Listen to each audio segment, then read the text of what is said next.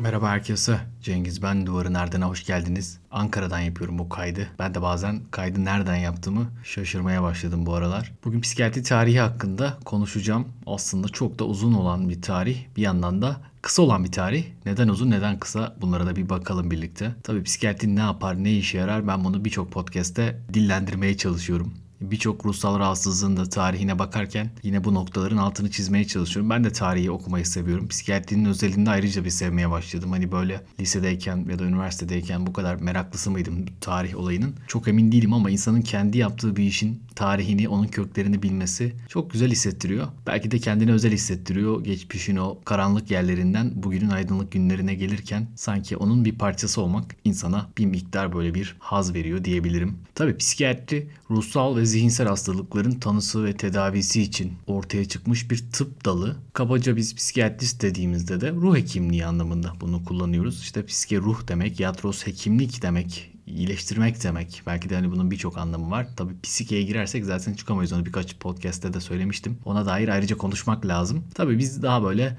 ruh sağlığı ve hastalıkları olarak da söylüyoruz. Tabii bilimsel tanımlara ve bulgulara dayalı olan güncel bir tıp dalından bahsediyoruz. Bir yandan da ruh kavramıyla bir tanım yapıyoruz. Burada tabii insan ruhun maddi bir karşılığı var mı yok mu gibi bir kafa karışıklığı yaşayabilir. Ama dediğim gibi yani bu hikaye bir yandan çok uzun bir yandan da çok kısa. 1808 yılında ilk defa bir psikiyatrist Johann Christian Reil tarafından psikiyatri terimi kullanılıyor. Yani 200 yıldır biz psikiyatri, psikiyatrist bu kavramları kullanmaya başladık. Tarihsel ve epistemolojik terimlerle beraber baktığımızda artık psikiyatri 19. yüzyılda doğan yeni bir tıp disiplini. Diğer tıp disiplinlerine göre yeni sayılabilecek bir tıp disiplini. Hem doğa doğa bilimlerine hem sosyal bilimlere kök salmış olan psikiyatrinin birçok farklı araştırma nesnesi var aslında. Yani ruhsal rahatsızlıklar, ruhsal belirtiler, biyolojiden anlamsallığa en geniş anlamıyla farklı bilgi kaynaklarından beslenen bileşenlerin harmanlanmasıyla oluşan bir melez tıp disiplini. Buradaki melez ifadesi neden psikiyatrinin diğer tıp branşlarından biraz daha farklı olduğunu bize gösteriyor. Belki de bazı tıp öğrencilerinin ilk yıllarından itibaren hayali psikiyatrist olmakken bazılarının da psikiyatriyi tıp disiplini olarak görmemesinin sebebi budur. Çünkü bu melezlik sizin konuya nereden baktığınıza göre psikiyatriyi farklı farklı yorumlamanıza sebep olabiliyor. Tabii yeni bir tıp disiplini olduğunu söyledim. Daha önce de psikiyatrilere alienist dendiğini de aslında da biz biliyoruz. Bu da Fransızcadan gelen ve Fransızcada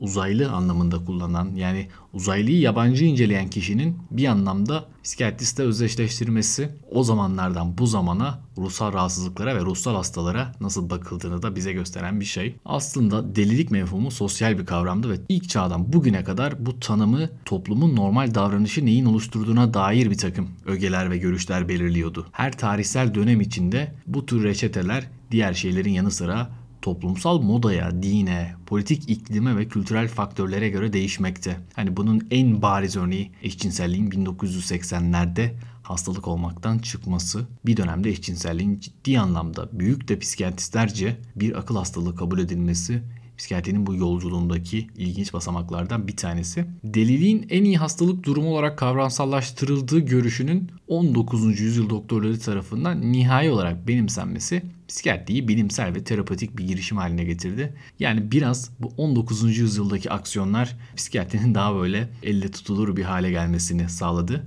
Ondan sonraki yolu da uzun aslında. Ondan sonra da çok fazla gelişme var. Ama modern psikiyatri belki de 19. yüzyıldan itibaren başlıyor. Özellikle Pinel'in ismini birazdan da anacağım. Onun bu yolculukta bu modernleşme hareketindeki etkileri oldukça büyük. Çok öncelere gidersek milattan önce 6500'lü yıllara o zamanlar trepinasyon akıl hastalığının ilk doğaüstü açıklamasının bir örneği. Aslında trepanasyon da diyebiliriz. Bir takım insanların kafa taslarında ve bazı mağara sanatlarının incelenmesinde delikler bulunuyor. Yani insanların kafa tasları çok nizami şekilde delinmiş. Peki neden böyle bir ihtiyaç varmış?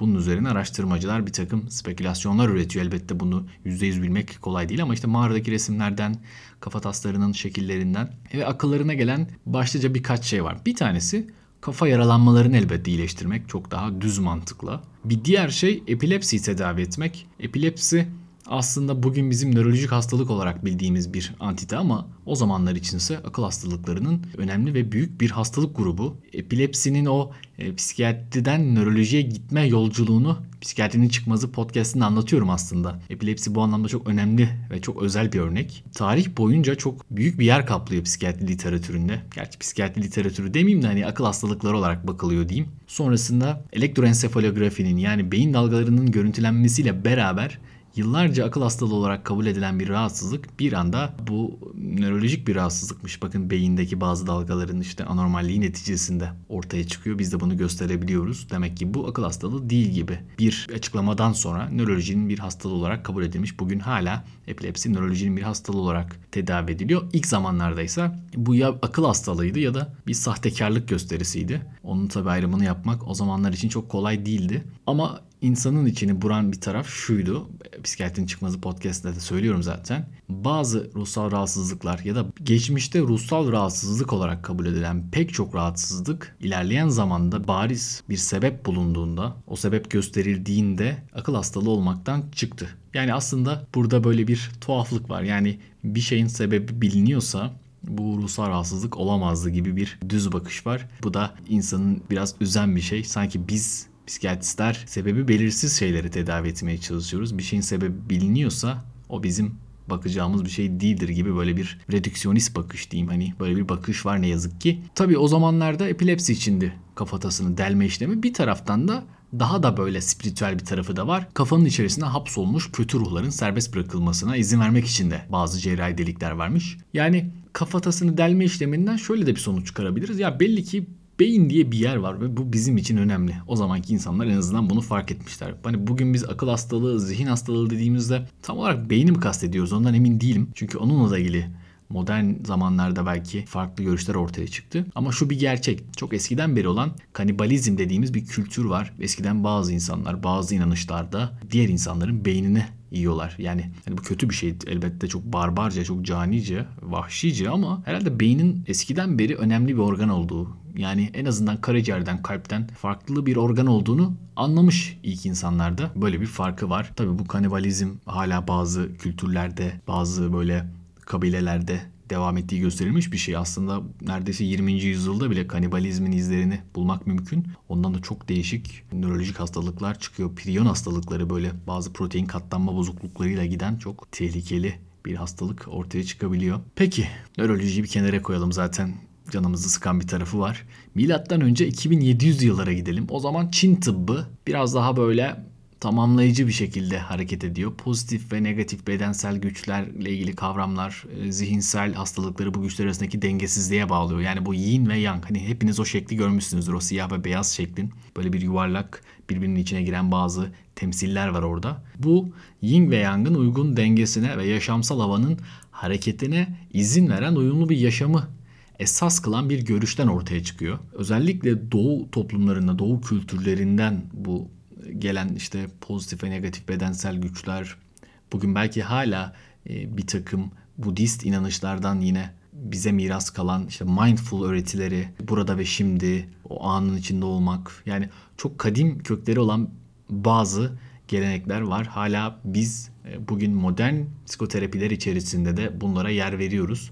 Böyle bir özelliği var. Aslında tarihten kopmuş değiliz. Tarih hala izlerini sürdürebiliyor. Milattan önce 1900'lü yıllara geldiğimizde Mezopotamya ve Mısır papirüslerinde bazı şeyler görüyoruz. Onlar uterustan kaynaklanan akıl hastalığından muzdarip kadınları tanımlıyorlar ve aslında biz bu histeri dediğimiz şeyin uterustan geldiğini biliyoruz. Antik Yunan'da Buna dair bazı isimlendirmeler var ama ondan daha önce de Mezopotamya ve Mısır papirüslerinde bu gösterilmiş aslında. Bugün modern psikiyatrinin içinde de özellikle analitik kuramcıların da çok yer verdiği histeri en başlarda sadece kadınlarda görülen bir şey olarak biliniyordu. Aslında tarihin nasıl büyük bir yer kapladığını burada görüyoruz. Yani bu histeri kavramı onun da bir podcast'ı var değil mi? Dünden bugüne histeri podcast'te orada dinleyebilirsiniz histerinin yolculuğunu.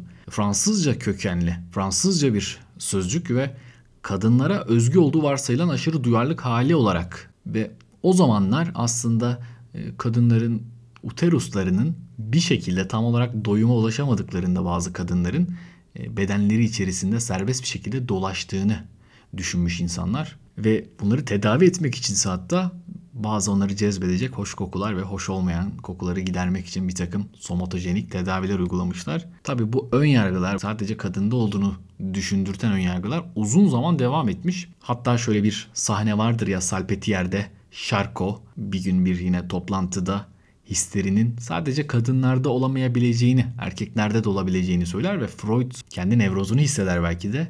E, biraz böyle bunaltır onu. Çünkü o zamana kadar hep kadınlarda olduğu düşünülen bir hastalığın erkeklerde de olma ihtimali onu bir miktar rahatsız etmiştir ama bir yandan da araştırmalarına büyük bir yön vermiştir. Histerinin erkeklerde de görülme ihtimali.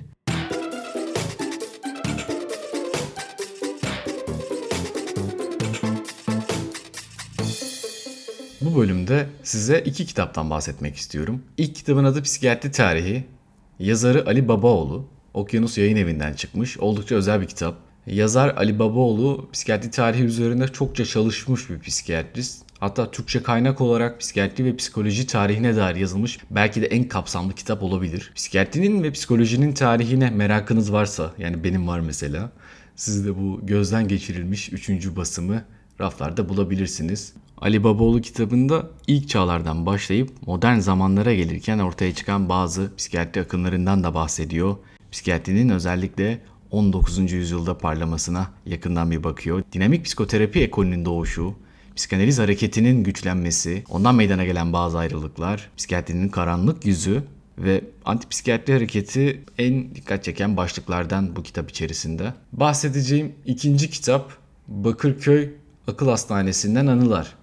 Psikiyatrist Latif Ruşat Alpkan'ın hazırladığı bu kitap yine Okyanus Yayın Evi'nden çıktı. Kitap hem Türkiye'deki akıl hastanelerinin yakın geçmişine ışık tutarken hem de gayet eğlenceli bir tarafı var. Psikiyatri servisinde yatan hastaların ya da doktorların ya da hastanede çalışanların kısa hikayelerinden ve şiirlerinden oluşuyor. Ve bu kitabın kapağında aşkımın şiddetinden koptu gönlümün freni Doktor beni sanıyor hala şizofreni yazmakta. Böyle eğlenceli bir kitap. Bahsettiğim bu iki kitabı Okyanus yayınlarının desteğiyle 5 dinleyicime hediye etmek istiyorum. Bu kitap çekilişine katılmak kolay. Tek yapmanız gereken Duvarın Erdi Pod'un ve Okuyan Us yayın evinin Instagram sayfalarını takip etmek ve Duvarın Erdi Pod'da paylaştığım gönderinin altına iki arkadaşınızı etiketlemek. Çekilişin sonucunu 17 Mart Çarşamba günü Duvarın Erdi Pod'un Instagram sayfasında duyuracağım. Herkese bol şans ve iyi okumalar.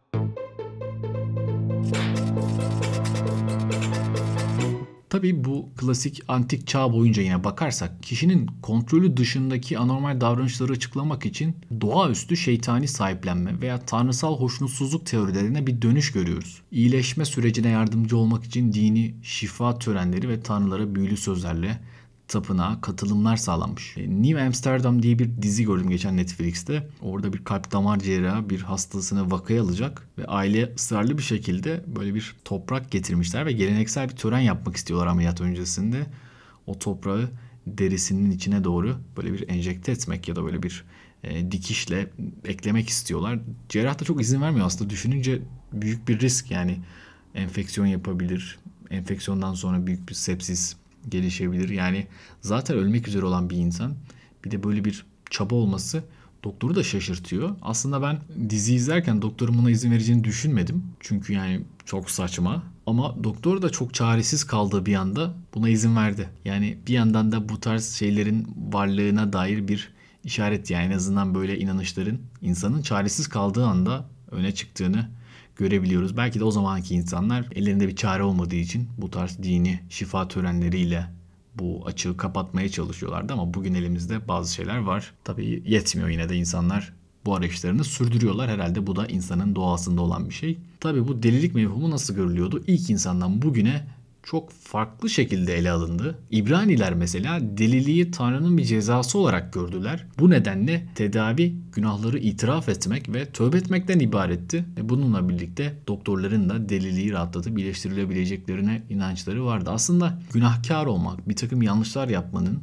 ve bunlardan dolayı vicdan azabı çekmenin ya da çekmemenin psikiyatriyle çok fazla ilişkisi var. Psikiyatrinin o e, garip bir şekilde o suçlanma, günahkar hissetme gibi bir takım belirtileri de var bir yandan. Bir taraftan da daha böyle kriminal taraflarla da ilişkisi var. Yani mesela patolojik yalan söyleme yani bir yanlışı bir insanın sürekli yapması yine psikiyatrik bir rahatsızlık olarak bile karşımıza çıkabiliyor. Ya da bir insanın kendisini günahkar hissetmesi işte obsesif kompulsif bozuklukta örneğin sürekli abdestinin bozulduğunu düşünen bir insan ya da depresyondaki o kendini değersiz ve günahkar işe yaramaz hissetmesi ya da şizofrenide ona günahkar olduğunu söyleyen bazı halüsinasyonların varlığı aslında neden belki de İbranilerin deliliği Tanrı'nın cezası olarak gördüklerini düşünmemize sebep olabilir. Tabi bunlar aslında psikiyatrik belirtiler ama psikiyatrik birçok belirti de gerçekten de hayattaki bir takım gündelik fenomenlerden de besleniyor. Hatta işte dini bazı temelleri de var. Toplumsal bazı şeyler var. O yüzden psikiyatristlerin böyle toplumsal bazı ögelerle bu kadar yakın olması tarihsel bir süreçte de karşımıza çıkıyor. Yunan doktorlar tabii onlar biraz daha böyle hafiften hafiften modernleştiren insanlar. Ruhsal rahatsızlıkların doğaüstü açıklamalarını reddediyorlar. Hani onlar da doğaüstü açıklamaları reddediyorlar da sanmayın ki böyle şizofreni tanısının işte bir takım biyobelirteçlerini buluyorlar. Şu an hala milattan önce 400'lü yıllardayız.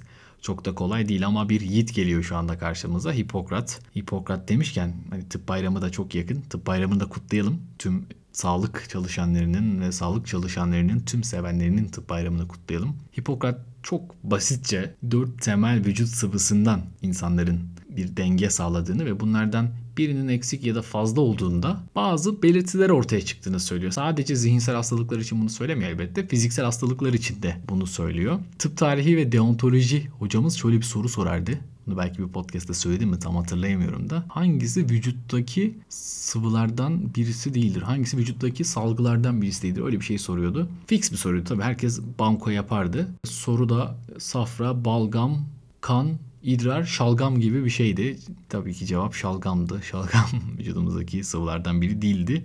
O hocamıza da selam olsun. Ama bu komik gözüken şeyi aslında gayet ciddiymiş o zamanlar. Şimdi düşününce o hoca belki de tarihle böyle hafif bir nüktedar bir şekilde alay mı etti onu düşündüm ama bir yandan da evet eğlenceli biz de gülüyoruz. Hipokrat diyor ki çok mizaçlı birisi çok fazla kandan muzdarip olabilir. Yani bu nedenle bu insandan kan almak gerekebilir. Aslında bugün de bizim bu flebotomi dediğimiz şey bazı insanların böyle aşırı kıpkırmızı olduğu durumlar var böyle aşırı kan ürettiği onlardan fazla kan almak gibi bir tedavi var ama tabii Hipokrat'ın düşündüğü şekilde mi ilerliyor ondan emin değilim. Hipokrat akıl hastalıklarını dört kategoriye ayırıyor. Yine epilepsiyi alıyor. Mani, melankoli ve beyin ateşi diye. Bu epilepsi ile ilgili durumu bahsettim. Mani ve melankoli ile ilgili bir podcast bölümü yaptım aslında. Bipoların iki ucu diye orada bu iki kavramı daha detaylı anlatmıştım. İsteyenler dinleyebilir. Ve yine Hipokrat'ın dönemindeki birçok hekim de filozof da buradaki filozof önemli aslında çünkü o zaman ruhsal hastalıklar, akıl hastalıkları üzerine filozofların da bir takım açıklamaları var. Zaten o zaman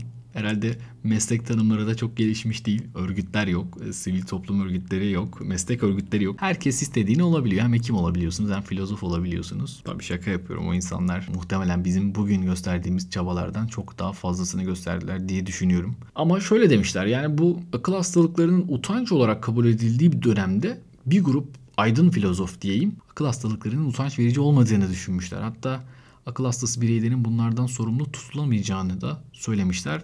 Ama bu iş tam olarak öyle miydi emin değilim. Çünkü o zamanki devlet aslında akıl hastalıklarının bakımı için hiçbir sorumluluk almıyordu. Akıl hastalıkları evde aile üyeleri tarafından bakılıyordu. Ama yine de hala milattan önceki bir zamanda akıl hastalıklarının insanın suçu olmadığını bilmek bence büyük bir ilerleme. Yunan hekim Galen, milattan sonradayız artık. Büyük adam.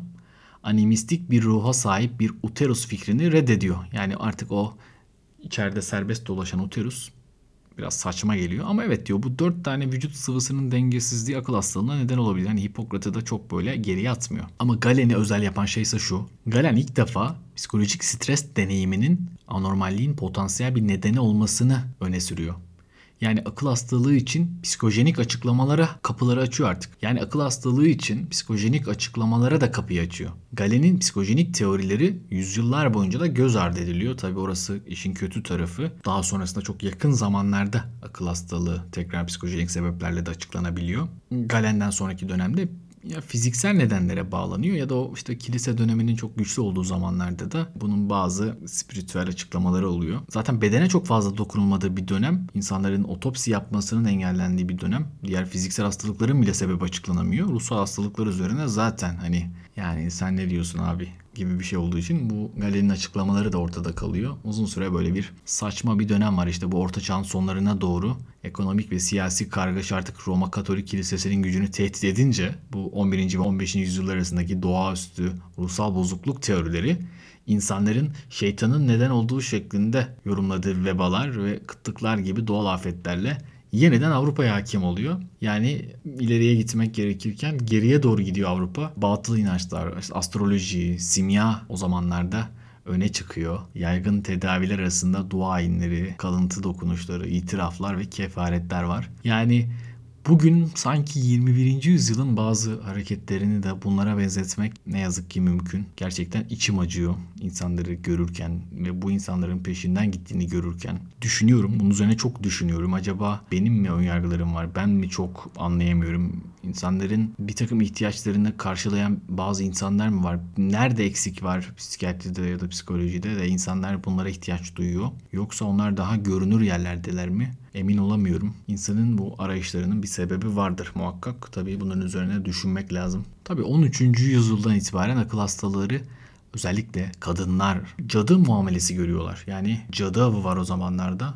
100 binden fazla insan yakılıyor. Johann Weir ve Reginald Scott 16. yüzyılın ortalarından sonlarına kadar insanları cadıların aslında akıl hastalıkları olan kadınlar olduğuna ve akıl hastalığının şeytani mülkiyetten değil hatalı metabolizma ve hastalıktan kaynaklandığını ikna etmeye çalıştılar ancak kilise engizisyonu her ikisinin de yazılarını yasakladı. Bunlar aslında baya baya sosyolojik de olaylar. Bunun içerisinde cidden o kadar çok şey var ki yani psikiyatri tarihinin o ilerleyişinin birçok belki bilimin ilerleyişinin sosyolojik olgularla ne kadar yakından ilişkili olduğunu görmek insanı heyecanlandırıyordu bir yandan. Tabii bu psikiyatri tarihi içerisinde tımarhaneler çok özel bir yerde. Ben kesinlikle tımarhaneler için bir podcast bölümü yapmak istiyorum. Biraz tabii böyle tımarhane deyince yine bir damgalama hissi oluşuyor insanda ama o anlamda değil. Gerçekten akıl hastalıkları ya da ruhsal hastalığa sahip olan insanların kaldığı servisler hakkında konuşmak bence önemli. Onların tarihsel serüveni modern insanın yolculuğuna da benziyor. Ve 18. yüzyıla gelelim artık döndük dolaştık Pinel. Ben şöyle bir başlık yazmışım Word dosyasına. Pinel ve zincirlerin çözülmesi. Philip Pinel 1745 ve 1826 yılları arasında yaşamış. Ünlü bir Fransız tıp doktoru. Hani çok enteresan. Benim hem psikiyatri ihtisasımda okuduğum hem de sosyoloji okurken okuduğum birisi. Bu kadar kesişen birisi var mıdır? Hani Freud'u da sosyoloji literatürüne alıyorlar. Onun da böyle o benlik ve ego ile ilgili açıklamalarına yer veriyorlar. Sosyologlar hatta onu filozof olarak tanımlayan sosyologlar da var. Ama Pinel'in enteresan bir konumu var.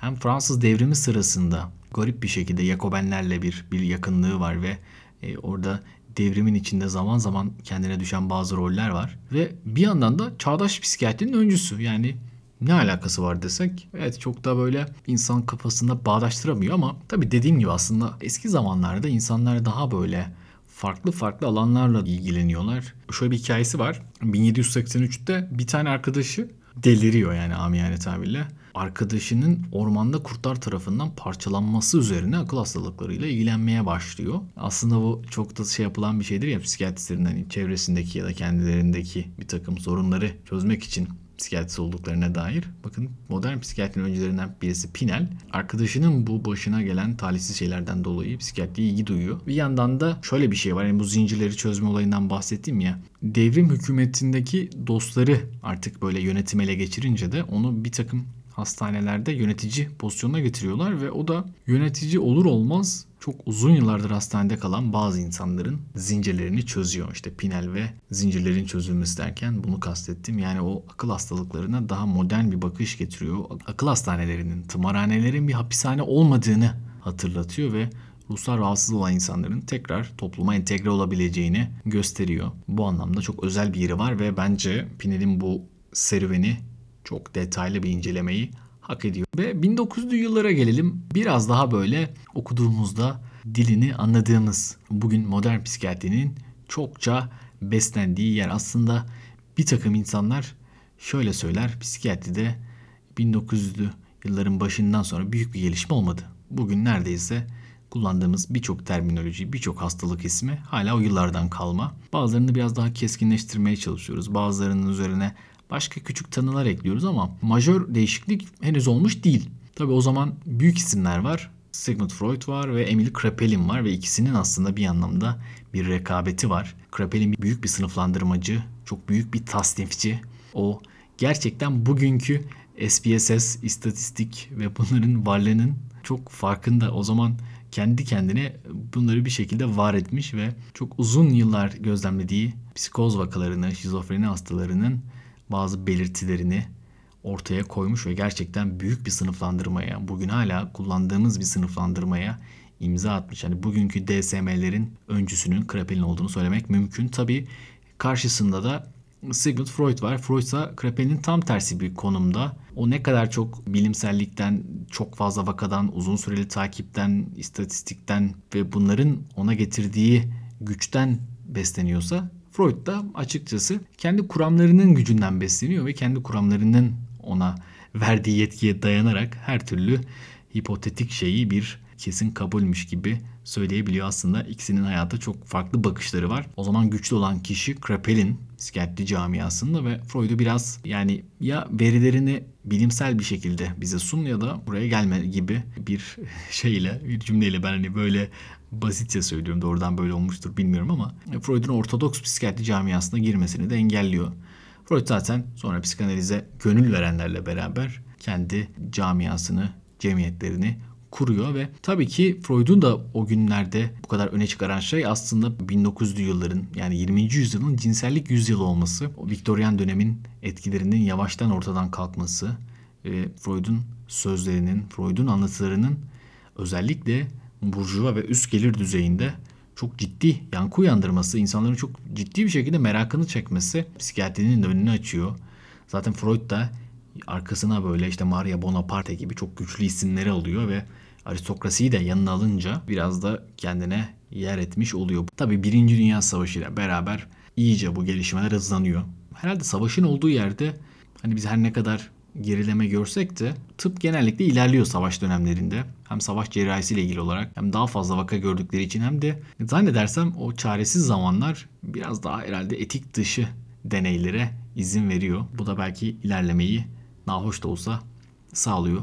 Sonrasında 1950'li yıllara geldiğimizde 2. Dünya Savaşı. 2. Dünya Savaşı ile beraber nöropsikofarmakoloji gelişiyor. İlaçlar yavaş yavaş ortaya çıkmaya başlıyor. Largaktil, klorpromazin o zamanlar yine öne çıkan ilaç. Ve 1960'lı yıllar artık Vietnam Savaşı, işte oradan gelen gaziler, savaş karşıtlığı, anarşizm, hippilik, madde kullanımı, madde alt kültürü, yeni çıkan müzik türleri dünya başka bir yer artık eskisi gibi değil. Psikiyatri o da eskisi gibi değil. Çünkü psikiyatrinin karşısında da çok daha böyle farklı reformcu hareketler var. Antipsikiyatri akımı var. Thomas Sass gibi adamlar arkasına bir grup insanı almış ve bazen haklı bazen haksız gerekçelerle psikiyatriye büyük saldırılar var. Psikiyatri de aslında o dönemden çok fazla pay çıkarıyor kendine. Ve 1980'li yıllara geliyoruz. Artık hastalık sınıflandırmaları yavaş yavaş değişiyor. Hatta işte en bariz örnek eşcinselliğe bakış. Onun artık hastalık olmadığını görüyoruz ve işte modern antidepresanlar ortaya çıkıyor. Sonra 1990'lar ve 2000'ler artık fonksiyonel görüntülemelerin, fonksiyonel MRI'nin ortaya çıkması, internetin daha fazla entegre olması ve 2020'ler artık Covid-19 pandemisi ve yeni bir serüven. Bakalım psikiyatrinin bu gelişiminde Covid-19 pandemisi de herhalde kendine ait bir yer bulacaktır. Psikiyatri tarihine şöyle genel bir bakış attık. Bazı zamanlara gidip daha detaylı bakmayı planlıyorum. Çünkü bazı yerlerin gerçekten hem isimlerinin çok büyük önemi var hem de olayların çok büyük önemi var. Tarihi bir anlamda çok uzun bir anlamda çok kısa bir alana 20-25 dakikalık bir podcast'a bakmak çok da kolay değil. Zaten haddime de değil. Berios bir psikiyatri tarihçisi olarak okunabilecek isimlerden birisi. Türkiye'de de aslında Ali Babaoğlu bir zamanlar çalışmış psikiyatri tarihiyle ilgili ve şu zamanlarda Fatih Artvinli psikiyatri tarihçisi üzerine çalışmalar yürüten isimlerden birisi. İlginizi çekerse bu isimleri okuyabilirsiniz. Buraya kadar dinleyen herkese çok teşekkür ederim. Kendinize iyi bakın. Hoşçakalın.